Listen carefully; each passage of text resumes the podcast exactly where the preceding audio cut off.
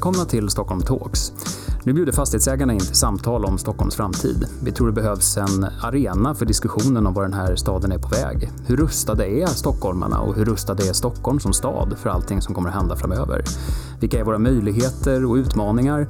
Och inte minst, vad gör stockholmarna glada? Vad gör att våra besökare vill återvända? Du är välkommen att lyssna, men du är också precis lika välkommen att delta i det samtalet som alla stockholmare behöver vara med i. Varmt välkommen till det andra avsnittet i poddserien Stockholm Talks. En podd som fastighetsägarna i Stockholm alltså står bakom och fokus är ju olika framtidsfrågor. Trots att vi befinner oss i en tid när vi pratar väldigt mycket om digitalisering, teknologi, sensorer, den smarta staden, så ser vi samtidigt också en helt annan utveckling i Stockholm. Vi ser det traditionella hantverket växa. Låt mig ta några exempel. På Skeppsbron på kanske de bästa adresserna så ser vi idag två bagerier. På Södermalm i en gammal Jaguarbutik, så ser vi ett destilleri. På Östermalm så kommer alldeles snart ett nytt bryggeri att etableras.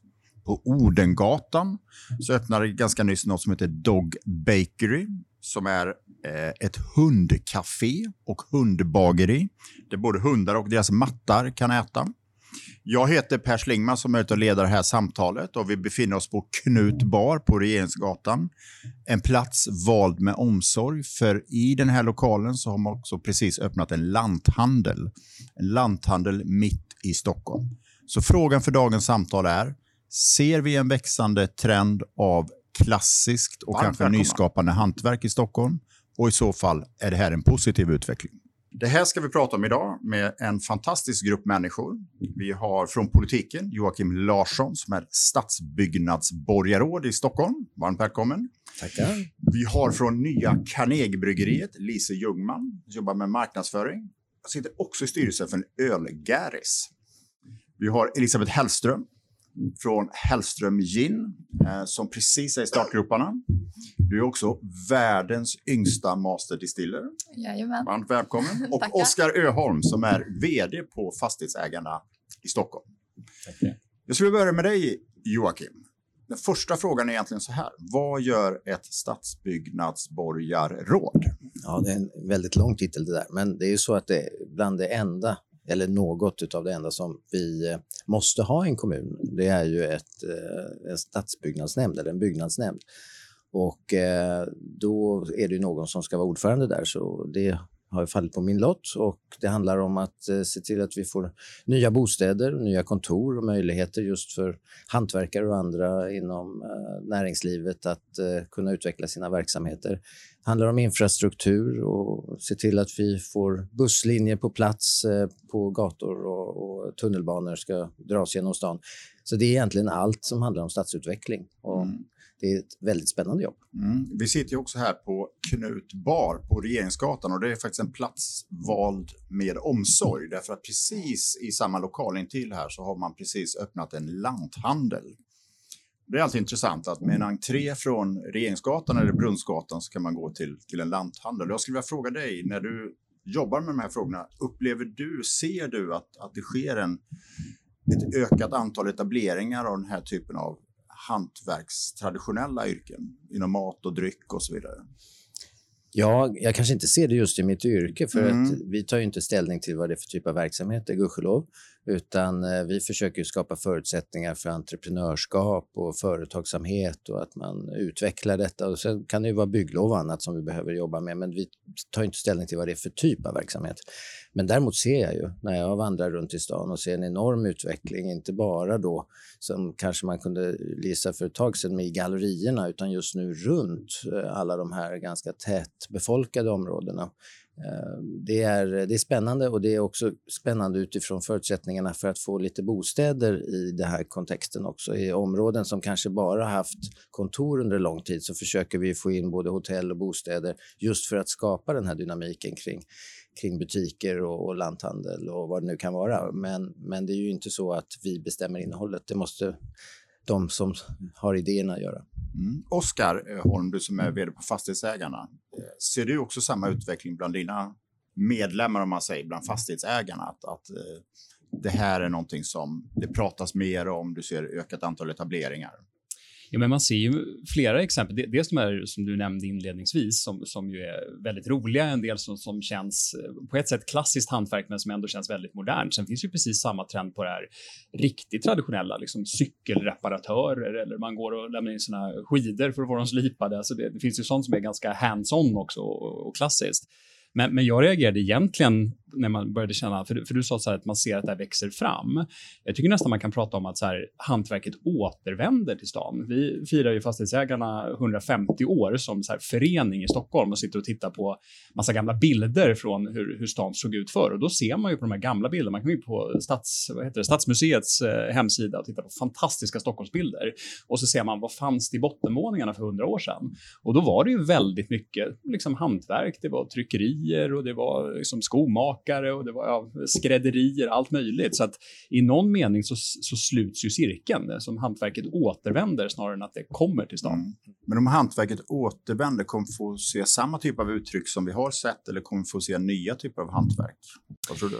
Ja, men det är klart att eh, dels så finns det ju nya, nya exempel som, eh, som växer fram. Det är klart att hundbageriet var, var, väl, var väl roligt på det sättet. Det hade man kanske inte väntat sig. Så jag, jag, tror man kommer se både helt nya företeelser men också just det här klassiska. Sen, sen har jag en känsla av just i den här stan där, där väldigt många är funnits en lång tradition eller en, en, att man har pratat mycket om, om mat och liksom upplevelser. Att det är klart att det är säkert en Stockholms USP. Jag tror att just det här med Liksom nästan kopplat till eh, alltså stockholmare sägs ju vara välklädda. Jag tror inte det är en slump att så här, många skrädderier öppnar upp igen. Men det är ju bara att titta. Eh, NK har precis återöppnat sitt skrädderi.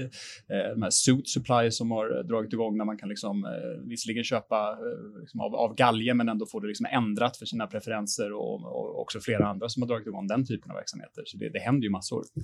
Mm, du, du nämnde här eh staden och landsbygden lite grann. Och kan det inte vara så att vi ser att landsbygdens värderingar har en väldigt stark eh, dragningskraft i staden? Jag tänker om man går in på Sturegallerian exempelvis. Det första man möter är ju liksom en matmarknad. Det är också i storstadens restauranger som man som oftast anger exakt varifrån kommer köttbiten eller mm. var är salladen odlad eller vilket bryggeri kommer den ifrån.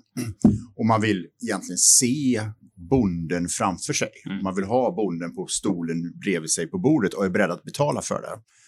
Och det är någonting vi ska prata lite grann om. Vad är det som gör att vi lockas så av landsbygdens uttryck och värderingar i storstaden, i den täta staden? Men jag tänkte, vi ska borra ner oss lite i själva hantverket. Jag tänkte börja med dig, Elisabeth. Ja, trevligt. Vem är du? Och eh, Berätta om din väg till att ha valt ett hantverksyrke, om vi nu kallar det för ett hantverksyrke. Ja, nej men jag är Elisabeth Hellström heter jag. Äh, är 23 år gammal och är uppvuxen på Gotland. Så här har ni en lantis. som ni kan fråga hur det faktiskt är. Och min familj vi har drivit ett hotell och restaurang ända sedan jag var liten. Så jag är uppvuxen liksom och har hjälpt till i disken och städat och haft eget bageri. Och jag har verkligen fått testa på olika former av hantverk. Jag gillar det här vid 23 års ålder, haft ja. ett eget bageri. um, och nu de senaste åren har, har jag verkligen snöat in på gin för att vi på hotellet ville skapa en vi har bara serverat eh, gin som den är och gin tonic nu de senaste fem åren tillsammans med Härnö då. Så då har jag varit med och se hur man faktiskt gör och vi har plockat väldigt mycket från Gotland som vi har smaksatt ginen och där började jag nörda ner mig rejält i det här. Och sen när jag tog examen nu från handel så kände jag så här, när vill jag jobba 9 till 5 på ett, ett vanligt jobb och då kände jag mig mer sugen att göra min egen grej. Eh, och då föll det sig väldigt naturligt att jag äntligen kunde bli eh, och börja satsa på ginen istället. Eh, så nu under det här året, året har jag experimenterat mig fram och fått vara ute i naturen och plocka mycket. För, vi, för det roliga med gin och varför jag valde hantverk som yrke eh, det är ju att jag verkligen gillar att vara ute i skogen och få det här lugnet. Jag behöver det. Eh, och då kan jag passa på att plocka enbär och fläder och rosor som finns där. Och det där har jag valt min, att jag vill skapa en smak av Gotland i min gin. Och, jag, och det tyckte jag var väldigt häftigt för att det finns inte så många regler kring gin vad du kan smaksätta den med. Det är väldigt intressant eftersom vi, alltså, Ja. vi oss också på Knut bar. Här Ja. skapar man en, både en smak men också en doft av Norrland. Ja, Och du vill ta, plocka in smaken om Gotland i ja men exakt. Ser du också bland andra att det här är någonting som lockar framöver? Jag tänkte att du har gått på Handelshögskolan. Det kanske inte är den mest eh, vanliga karriärvägen man nej, väljer. nej, exakt. Men jag tror det var det. Jag tror man måste testa på väldigt mycket olika innan man hittar så här, vad mitt hjärta bankar lite extra. Och jag har alltid haft som roligast när jag har jobbat på eh, familjehotellet och när jag drev, drev eget UF-företag. Eh, för då gjorde jag smycken som är ett annat hantverk också. Och jag tror jag verkligen brinner i att man träffar så många roliga människor också. Och nu är jag inne i restaurang och barvärlden och jag får ju träffa jättekreativa bartenders och ena dagen är jag på Gotland och i Visby har vi ett extremt bra eh, krogutbud. Eh, för att nästa dag vara här i Stockholm och träffa bartenders. Så jag lär mig ju väldigt mycket varje dag. Och det tycker jag är häftigt. Och, Ser du den här utvecklingen som vi nämnde först här, att det finns ett ökat intresse både hos sådana som du som vill Mm. jobba med hantverk men också från konsumenter? Alltså, vår utgångspunkt här är ju att vi ser också på de kanske mest centrala adresserna i Stockholm. ja. Ser du också det när du tittar lite grann, får man ändå säga då, lite utifrån? Ja, absolut. Jag, när jag är ute på restauranger, det är ju som ni säger att råvaran är ju verkligen i fokus och att man vill ha den här historien. Och jag tror varför konsumenten intresserar sig för hantverk och mindre produkter är att man är trött. Jag tror man är trött på ett sånt där stort opersonligt varumärke där man inte riktigt vet vem som har gjort den eller var kommer grejerna ifrån? Och man vill gärna ha en person bakom tror jag, som det här att man ser att det, att det är på riktigt lite. Eh, speciellt nu när vi blir mer digitaliserade och ser mycket på Instagram. Alltså det finns ju väldigt stor möjlighet att kunna visa det på ett annat sätt än tidigare också. Och där ser jag väldigt mycket, nu har jag startat min Instagram och nej men det är väldigt mycket interaktion, alltså folk som skriver till mig och frågar och det finns fler möjligheter för mindre företag så jag tror det också gynnar hantverket att även om jag håller till mycket på Gotland så det, kan jag ju sprida det väldigt snabbt till Stockholm och, eh, och så. Spännande. I den täta staden där man brukar säga att anonymiteten är en Ja. stor fördel så söker vi det personliga. Ja, jag, jag Ja, ser det. Eller också vad jag Mm. själv följer för varumärken så tycker jag det är roligare att följa lite mindre och som har mer personlighet. Bra. Det finns ju ett sånt där begrepp man brukar prata Mm. om, fäbodifiering. Mm. Och även om man är väldigt stor så Mm. ska man hos konsumenten eller medborgaren eller stockholmaren uppfattas som väldigt liten och personlig. Lise, Ja, eh, nya Carnegiebryggeriet har ju en lite längre historia kan man säga inom hantverk historia. än vad Hellström har som ju är fortfarande ett framtidsprojekt. Men jag tror att alla lyssnare kommer inom en ganska snar framtid Ja, kunna få en smak av Gotland ja också. väldigt snart. Berätta lite grann om dig själv och Carnegiebryggeriet. ja, Lise Ljungman och jobbar på Nya Carnegiebryggeriet sedan sex år tillbaka. Så jag har varit med nästan sedan bryggeriet eh, startade. Eh, har jobbat med lite, jag brukar säga det att jag är den personen som har gjort allt på bryggeriet. Jag, vi har ju en restaurang i anknytning också till, till bryggeriet så jag har jobbat i restaurangen, stått i baren. Eh, jag har jobbat med tappningen, stått och liksom packat flaskor i lådor och jag har eh, hållit miljoner ölprovningar och idag jobbar jag med marknadsföring. eh, och har egentligen en, eh, en bakgrund med, jag pluggade geografi på universitetet så jag har en examen i geografi. Och då jobbade jag samtidigt på bryggeriet så jag blev så himla insnöad i, i, i ölbranschen så att jag skrev mitt exjobb om just det här egentligen. Varför, varför lockas folk till mikrobryggerier? Varför konsumerar man eh, öl från craftbryggerier? Mm. Så att det är riktigt Mm. Vi ska prata lite mer om själva bryggeriet, men också, du sitter också i styrelsen för Ölgäris. Kan du Yes. berätta kort om det? Ja, eh, Ölgäris är ett initiativ som startades eh, hösten 2017 av eh, Josefin Törnqvist. Hon insåg liksom att vi som kvinna i ölbranschen, det, det är en väldigt manligt kodad dryck. Så det, man, man får inte riktigt det utrymmet. Man fick inte riktigt det utrymmet som kvinna. Man blev misstrodd och det var svårt att liksom gå till baren och beställa öl. Eh, så hon såg ett, eh, ja, men såg ett behov av eh, ett forum för kvinnor och bärs. Så hon startade den här Facebookgruppen Ölgaris och den har vuxit alltså, lavinartat eh, på ja, två och ett halvt år till 8000 medlemmar över hela Sverige. Och så startade vi eh, eh föreningen eh, juni förra året och har ungefär 350 medlemmar. Och vi gör allt vi kan för att liksom, främja kvinnor, i, Mm. kvinnor som gillar öl. mm. både liksom branschmässigt och konsumentmässigt. Mm, fantastiskt. Carnegiebryggeriet då, eller nya Carnegiebryggeriet? Nya Carnegiebryggeriet. Det är ett, ett, du kallar det för mikrobryggeri ja. och det är också ett urbant bryggeri får man säga. Berätta lite grann om var ni ligger och eh, bemötandet från stockholmarna. Mm. Alltså, vi var ju ganska, jag ska inte säga, ja, men vi var ganska tidiga på det, på att eh, komma på det här med konceptet också att vi ska vara restaurang anknutet till bryggeriet. Så vi måste ligga rätt centralt för att vi ville ju att folk skulle komma till oss. Så eh, nya Carnegiebryggeriet, vi eh, startade 2014 och ligger i den gamla lampfabriken i Hammarby sjöstad. Så gamla Luma-fabriken som gjorde glödlampor. Så vi ligger i de gamla gaslokalerna så vi har explosionsskyddade lokaler. Säger det, om, om, man, om det är någonting som skulle ske så är det liksom vi som är de säkraste platserna att komma till. Vi har öl.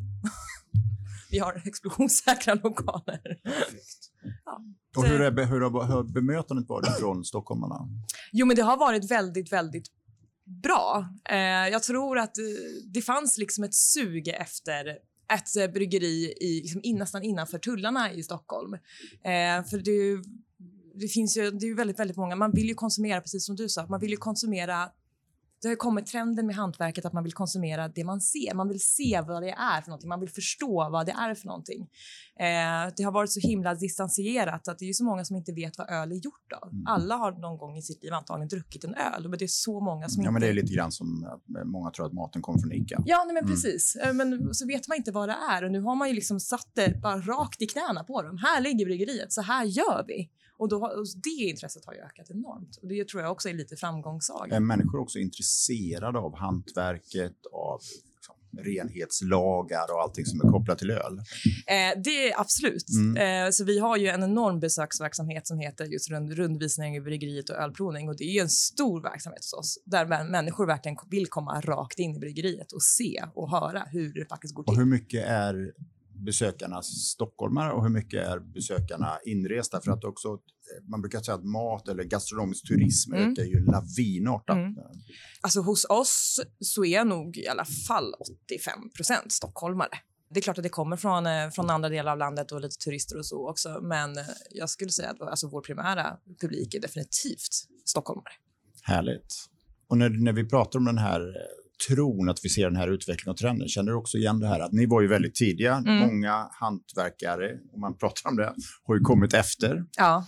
Eh, tror du om vi liksom tar fram tiden, säger vi fyra, fem år fram i tiden, att vi kommer få se mycket mer av det här? Alltså jag tror att, nu kan jag bara prata om bärs, för det är det mm. jag kan. Eh, men om man kollar på den branschen så, så ser vi ju snarare nu så ser ju vi ett, alltså en dipp ner i antalet bryggerier som startar. Så jag tror vi har liksom nått toppen. Men det har ju gått så fort om man kollar på, om man kollar på Sverige som hade mellan 5 till 10 bryggerier i början på 90-talet. Eh, till att sen, det var ju framförallt inträdet i EU då som gjorde att ja, men det fanns ett maltdrycksproduktionsmonopol i Sverige som släppte så att det var många mikrobryggerier som startade efter 95.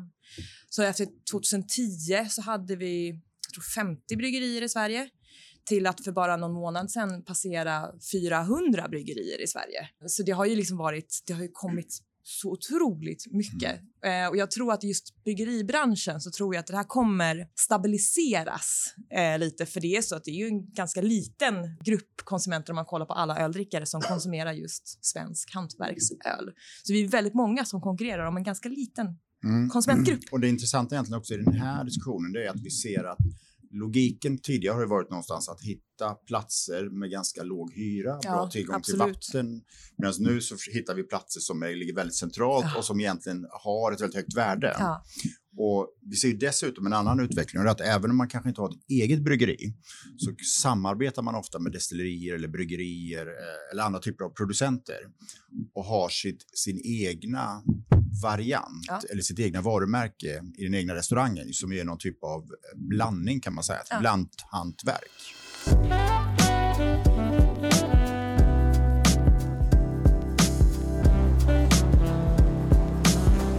Om vi konstaterar någonstans, vi verkar ganska eniga om att vi tror att det här är en utveckling vi ser framför oss eh, och kanske inte minst drivet av egentligen att konsumenterna synes ju tycka att det är någonting härligt och stockholmarna. Oskar, det är ju så där att du representerar ju fastighetsägarna och fastighetsägarna har ju en ganska viktig roll i den här utvecklingen därför att någonstans är det ju människor som äger fastigheter vars ofta kanske handlar om bottenvåningar. Tror du att du kommer få se en större, större intresse från fastighetsägare och en större öppenhet att vilja göra den här typen av satsningar framöver? Det tror jag definitivt och egentligen av flera olika skäl. Både för att liksom, fastighetsägare är ju också människor och stockholmare och känner, ser ju de här trenderna och tycker att det var mycket häftigt saker som händer. Men sen om vi ska vara helt ärliga så är det ju också av, av livsnödvändighet. Alltså hela den omvandling som sker i stan, väldigt mycket av handel som flyttar ut på nätet. Man måste också tänka kreativt. Vad, vad ska man göra av inte minst bottenvåningslokaler och, och få ett flöde som fungerar och, och, och, se till att man kan ta hand om sitt hus. Och där tycker jag det är ganska spännande att eh, man ser ju på något sätt att det här begreppet goda grannar, det, det var ju kanske någonting som vi förr i tiden tänkte som privatpersoner, att så här, ja, men man, man, vill bo bredvid någon som är trevlig. Nu har det liksom blivit ett begrepp också för de som hyr ut lokaler. Så vad behöver vi för typ av blandning i det här kvarteret? Alltså, och där är det ju jättekul hur det där har förändrats. Förut, bara för några år sedan, så var det så att väldigt många fastighetsägare tyckte ju att en restaurang ja, men det, helst inte i mitt hus, gärna i grannhuset, för det är massa jobb och det är ventilation och det är liksom grejer. Nu är ju det ofta en dragare, för det kan liksom skapa ett flöde. Det kanske gör att eh, den här nya nyöppnade cykelservicebutiken kan liksom förlänga sina öppettider i ett par timmar till, för det liksom rör sig människor där. Så det är ju, ehm, man kommer definitivt se mycket av den utvecklingen av nödvändighet och av intresse för stan. Ta bara det enkla skillnaden är att förut pratade väldigt många, alltså begreppet man använde som fastighetsägare var ju fastighetsförvaltning, alltså fokus på den här kåken som man äger. Nu pratar ju nästan alla fastighetsägare om stadsutveckling eh, och det är ju ett uttryck precis för det där. Man förstår att både värdet på det huset man äger och att man ska liksom kunna få in intäkter och hyra ut lokaler, det bygger på att det är ett, ett kvarter och en stadsdel och en stad som fungerar. Mm, Joakim, ur ett politiskt perspektiv, är det här en utveckling som du ser att politiskt på olika sätt kan främja? Absolut. Och det som Oskar nu pratar om är ju något man sett väldigt tydligt i New York när man har bestämt sig från fastighetsägarnas sida att försöka ta ett gemensamt ansvar för en park eller en plats och, och jobba väldigt tydligt med att få människor att använda Bryants Park till exempel, är ett sådant exempel. Eh, och då har ju både fastighetsägarna och de boende eh, vunnit väldigt mycket eh, på detta. Man har sett till att eh, ställt ut bord och stolar i parken och så vidare för att liksom skapa den här dynamiken och tryggheten att människor rör sig där. Och det är ju samma sak med butiker och med eh, olika öppna verksamheter som finns i en, i en stad. Eh, och det vi behöver göra från politiken det är att se till att det här även fungerar i det vi kallar förorter då, alltså till städerna. Att, att det, det är inte bara lätt att ta sig dit utan att det också går att, att ha den här typen av verksamheter. Och en utav, ett av de mikrobryggerier just som startade, vill jag minnas, i, i eh, södra delen av, eh, jag tror Hökarängen, mm.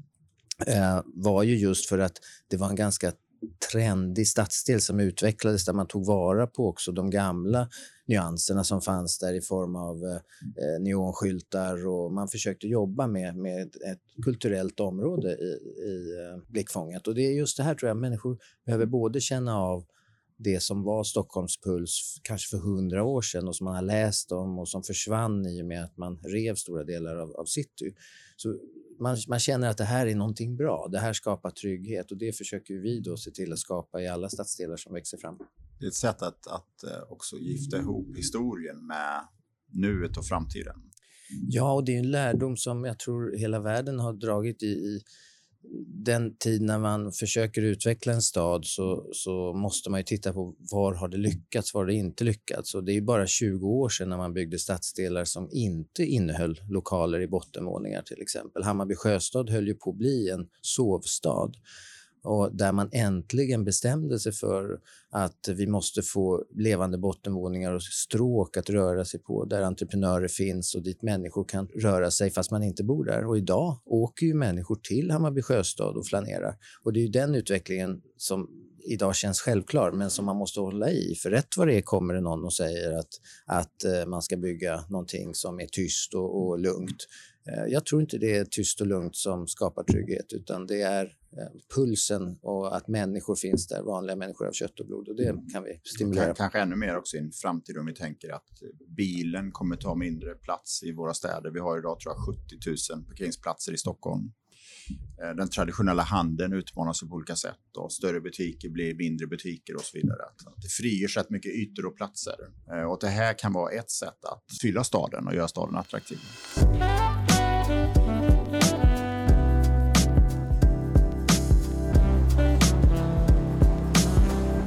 Jag tänkte på en annan sak, att, att Stockholm är ganska fantastiskt, eller Stockholms självbild. Vi har ju väldigt många under i Stockholm. Vi är ett modeunder, vi är ett musikunder, Frågan är, kommer vi att vara ett hantverksunder? Borde det vara en ambition för Stockholm? Är det en del i din politiska vision, Joakim? Välkommen till Stockholm. Här flödar hantverket. Ja, det är ju mångfalden vi vill åt. Att människor som har olika intressen och entreprenörer känner att de kan få utlopp för sin idé och sitt, sitt entreprenörskap. Och eldsjälarna ska ju till Stockholm, det är det man känner på något sätt. Eh, och det gäller ju inte bara Stockholm, det gäller alla städer. Man kan försöka se till att skapa de här, den här dynamiken som gör att man får tag i eldsjälarna, för det är då människor lockas hit. Och vi behöver ju ha fler som flyttar till våra städer det är också ett sätt att kunna utveckla städerna och få mer resurser till att göra samhällsservicen bra. Det är så att allting hör ihop. Allt ifrån vattnet till kranen, till elektriciteten, till sophämtningen, till gatuhantering. Allt det här tråkiga, det hör ju ihop med det här också. Då måste vi se till att det samspelar med entreprenörernas önskemål. Jag vet att många som är intresserade av hantverk, både liksom större och mindre aktörer, de är ganska intresserade också av platser i Stockholm som idag inte riktigt används. Taken, vattenlinjer och kanske platser som man inte riktigt tänker på skulle kunna användas för.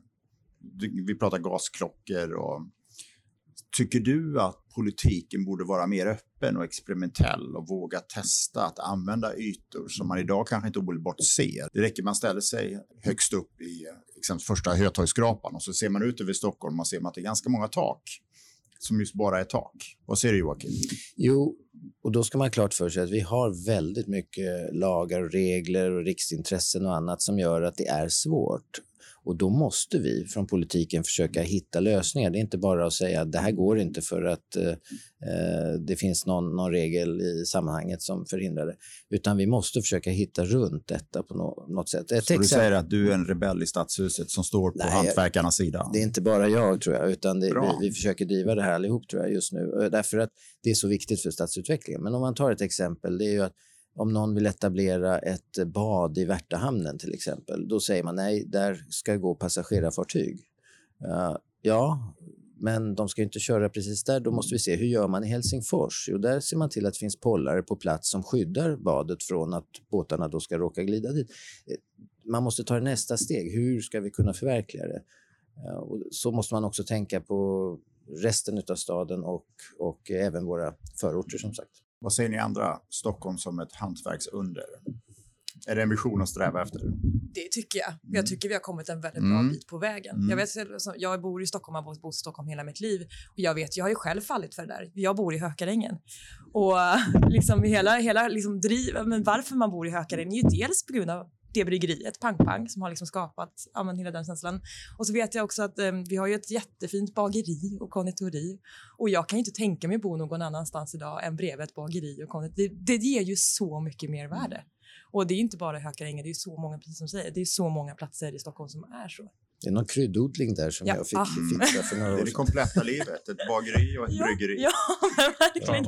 och, kry och kryddodling. Och kryddodling, väldigt viktigt. Men, men jag, jag, tror också att det finns, det, är bara att det, det finns ju flera olika trender på något sätt som, som samverkar för att skapa de här förutsättningarna, tror jag just om vi pratar hantverksperspektivet. Dels så är det ju det som jag varit inne på, som jag tror Elisabeth pratade om, med, med man vill visa på, på Instagram den här så saken man upplevde som var, som var någonting speciellt, inte bara ett varumärke vilket som helst. Det vill säga hela den här känslan av att man vill uppleva något som är genuint. Det, det finns. Sen finns hela den här liksom, omvandlingen utav, av city, att det blir mer utav upplevelser och mindre utav liksom, den klassiska handeln och sen dessutom hela hållbarhetsperspektivet som ju är extremt viktigt, liksom, för, inte minst för väldigt många stockholmare.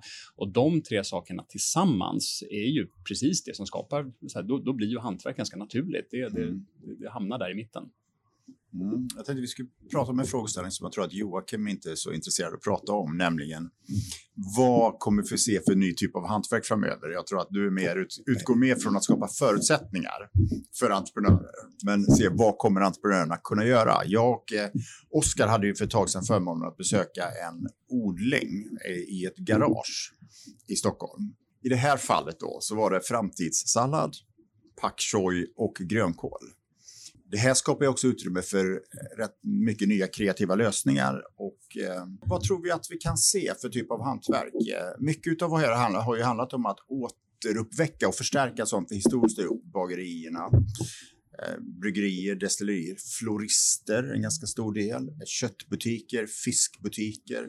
Egentligen har den klassiska saluhallen har ju varit mycket åt hantverkshållet, att nu plockar vi in produktion också. Så, så vad tror vi att vi kommer se?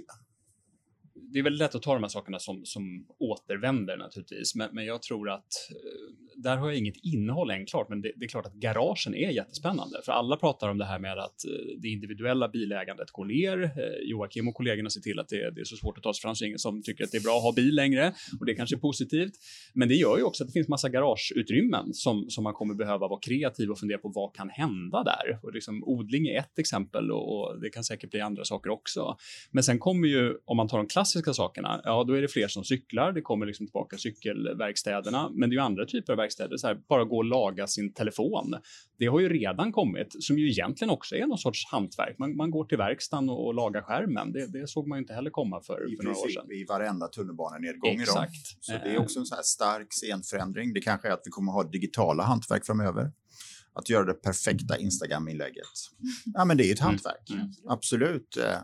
Så jag tror att, att eh, det fantastiska här någonstans är ju också att, att det är ju en återgång egentligen till liksom ett yrke, en tradition, en kunskap som man förvärvar och lär sig med andra. Och jag tror att en, en, en annan frågeställning här det är ju att om man tittar på hur människor rör sig. Vi har en stark urbanisering i världen. Det är ofta fler högutbildade som rör sig till städer och man söker sig till andra med likasinnade intressen. Och, det där, och frågan kring det här, att vi, om vi ska bli ett hantverksunder, har ett visst allvar i sig också. Därför att blir vi det så kommer vi locka andra människor som har det här intresset. Och frågan är, är det här ett kluster vi vill utveckla? När det gäller hantverkstradition, kanske framförallt inom mat och dryck. Men vad säger eh, Elisabeth och Lise? Har ni några, ser ni någonting framför er? Vad tror ni kommer växa i för typ av hantverk? Ja, men jag tror mycket på precis som det du sa, att alltså, hållbarhetsperspektivet kommer ju växa mer och mer. Och jag tror att man, kommer komma, man måste hitta väldigt kreativa lösningar på hur man ska, vad man ska göra. Vi kollar till exempel på möjligheter just nu att vi inser att vi har en, väldigt mycket spillvatten, alltså väldigt mycket varmt spillvatten som bara försvinner egentligen. Det är jättemycket energi som, som ja, bara går rakt ner i avloppet egentligen. Och vad, vad, kan man göra med det? Så vi har ju kollat på alla möjliga möjligheter att liksom ta vara på det och på något sätt också det, ja, men ge någonting tillbaka som, ja, men som faktiskt ger någonting. Kolla, har vi kollat mycket på odlingar till exempel. Så jag tror att eh, alltså, hållbarhetsperspektivet är en, det tror jag kommer vara en väldigt, väldigt stor drivkraft till att få fram fler typer Mm. av hantverk. Vad tror du Elisabeth? Nej, men jag tror mycket på det som jag läste i din debattartikel där om att man behöver ett community. Eh, och det har man ju på många ställen inom restaurang och mat och, och dryck. Alltså Åre, Visby, Stockholm. Det är ju inte bara de absolut största storstäderna. Eh, men till exempel som ni, bryggeritrenden har ju kommit längre än, än vad mikrodestillerierna har gjort. Så att jag ser framför mig ett gin snart. Gin Gary. Var anmäler man sig? Ni kan bara höra av er till mig. Hellström in på Instagram så Precis. kommer den. Vi börjar gå ner för landning här, men jag tänkte vi ska prata om en sista fråga och eh, vi har egentligen berört den på lite olika sätt, men det är ju att om någon intressant anledning så ser vi just de här värderingarna, och uttrycken som vi ofta förknippar med landsbygden. Eh, som många lä- människor faktiskt lämnar för att bo i städerna. Eh, men vi ser att de är otroligt attraktiva i städerna. Vi har en lanthandel intill och vi har bondens marknad och vi vill se produktionen och vi vill se bonden som så att säga, skapar och utvecklar det vi äter och dricker. Vad beror det här på? men jag tror verkligen mycket att vi, vi har distanserat oss så länge från vad, vad det faktiskt är för någonting att vi inte, vi har så mycket, pass mycket att vi knappt vet längre vad det är. Vad är bröd gjort av? Var är det gjort någonstans? Och att det blev liksom en, en, en drivkraft till att men jag vill faktiskt se eh, vad det är för någonting och jag vill se vart jag köper och vart det kommer ifrån. Det tror jag var en enorm drivkraft. Så jag, det tänker jag också mycket eh, hela, hela bryggeritrenden och man döper ju sig själv efter var man brygger någonstans. Det finns ju ett bryggeri i varenda stad idag, minst ett bryggeri. Och det är klart att det finns en lokalpatriotism där också. Man vill konsumera det som är mitt på något sätt. Det är klart att jag dricker pang-pang-öl från Hökarängen när jag bor i Hökarängen. Mm. Flyttar jag någon annanstans och där finns ett bryggeri där kommer jag säkert konsumera det. Och det, jag tror att det är jättedrivande del. Den, mm. alltså, ja, den lokala känslan är väldigt viktig. Mm. Och ä- även om man bor så att säga, mitt i en väldigt urban och tät stad. Kanske ännu viktigare. Ja, men det finns mm. mikro, alltså som sagt, mm. mikroplatser i en, en storstad. Vad säger Oskar? Men jag tror också att bara referenser vi hört runt det här bordet under det här samtalet är så här, ja men man är uppvuxen inte i Stockholm utan någon annanstans. Vi är ju en storstad av liksom en miljon människor hittills ska bli fler. Rätt många kommer inte från Stockholm utan man, man är uppvuxen på landet. Det, finns, det här tror jag är en storstad där väldigt många har en naturlig också relation till andra delar av landet på det, på det sättet. Man kan säga att en riktigt äkta stockholmare idag är en inflyttad stockholmare. Ja, men så är det ju mm. eh, väldigt mycket. Samtidigt är ju det här också en storstad där som marknadsföringsskämtet man brukar dra, att det, det, är en tredjedel vatten, en tredjedel park och en tredjedel stad. Det ligger ju någonting i det också på det sättet att vi är en storstad som har väldigt nära till landsbygden. Så det finns en naturlig, det är svårt att leva hela sitt liv i liksom några urbana kvarter och aldrig se annat än asfalt om man, om man är stockholmare. Så det, det gör det kanske lättare också att, att göra mm. det där. Joakim, vad tror du? Generellt, jag, jag växte själv upp eh, med föräldrar som hade butiker och eh, där, på den tiden så var det ju väldigt mycket diskussion om de här storköp eller centrum som fanns utanför staden och man tog bilen och det var billigt och Ikea och allt det här. Och eh, på något sätt, det här står ju egentligen inte i motsats till varann utan det vi ser nu utvecklas, det är ju naturligt att man söker den här värmen, kontakten och, och det, det, lokala blir otroligt viktigt tror jag, särskilt i dessa tider när man kanske har i både arbetet och på sociala medier ändå kontakten mellan människor kanske bryts något så eftersöker man tror jag platser eh, och relationer till platser och till då butiker och, och entreprenörer som finns. Det skapar den här tryggheten och, och stadsutvecklingen måste ju ta hand om det här under resans gång. Och jag vet inte, men, men eh, jag tror det här är en väldigt positiv utveckling. Att du får en, en eh, som du berättar, att du tar vara på den här eh, lokala, det här lokala bryggeriet eller någonting, att man kanske går till butiken som man lär känna innehavarna av. Eller, så det är tror jag, en fantastisk utveckling. Då blir det ju roligt att gå till jobbet varje dag för alla och inte bara försöka övertyga om en, en viss sak som ska säljas utan att man faktiskt får en relation till sin omgivning. Fantastiskt tycker jag. Mm. Bra, jag tycker nästan att det här kan bli slutord i den här diskussionen. Vi är ganska överens om att eh, vi är på väg att kanske utveckla ett hantverksunder i Stockholm. Oavsett vad i alla fall, att det här är något som vi kommer få se mer av och att eh, det finns ett öppenhet både hos politiken och hos fastighetsägarna. Så tack så mycket alla ni som har medverkat. Elisabeth, Lise, Joakim och Oskar. Det här var alltså andra episoden av Stockholm Talks. Vi återkommer inom ganska kort och då ska vi prata om ett av de här undren, inte kanske hantverksundren utan ett av de andra. Och vilket det är kommer ni få höra. Tack och hej!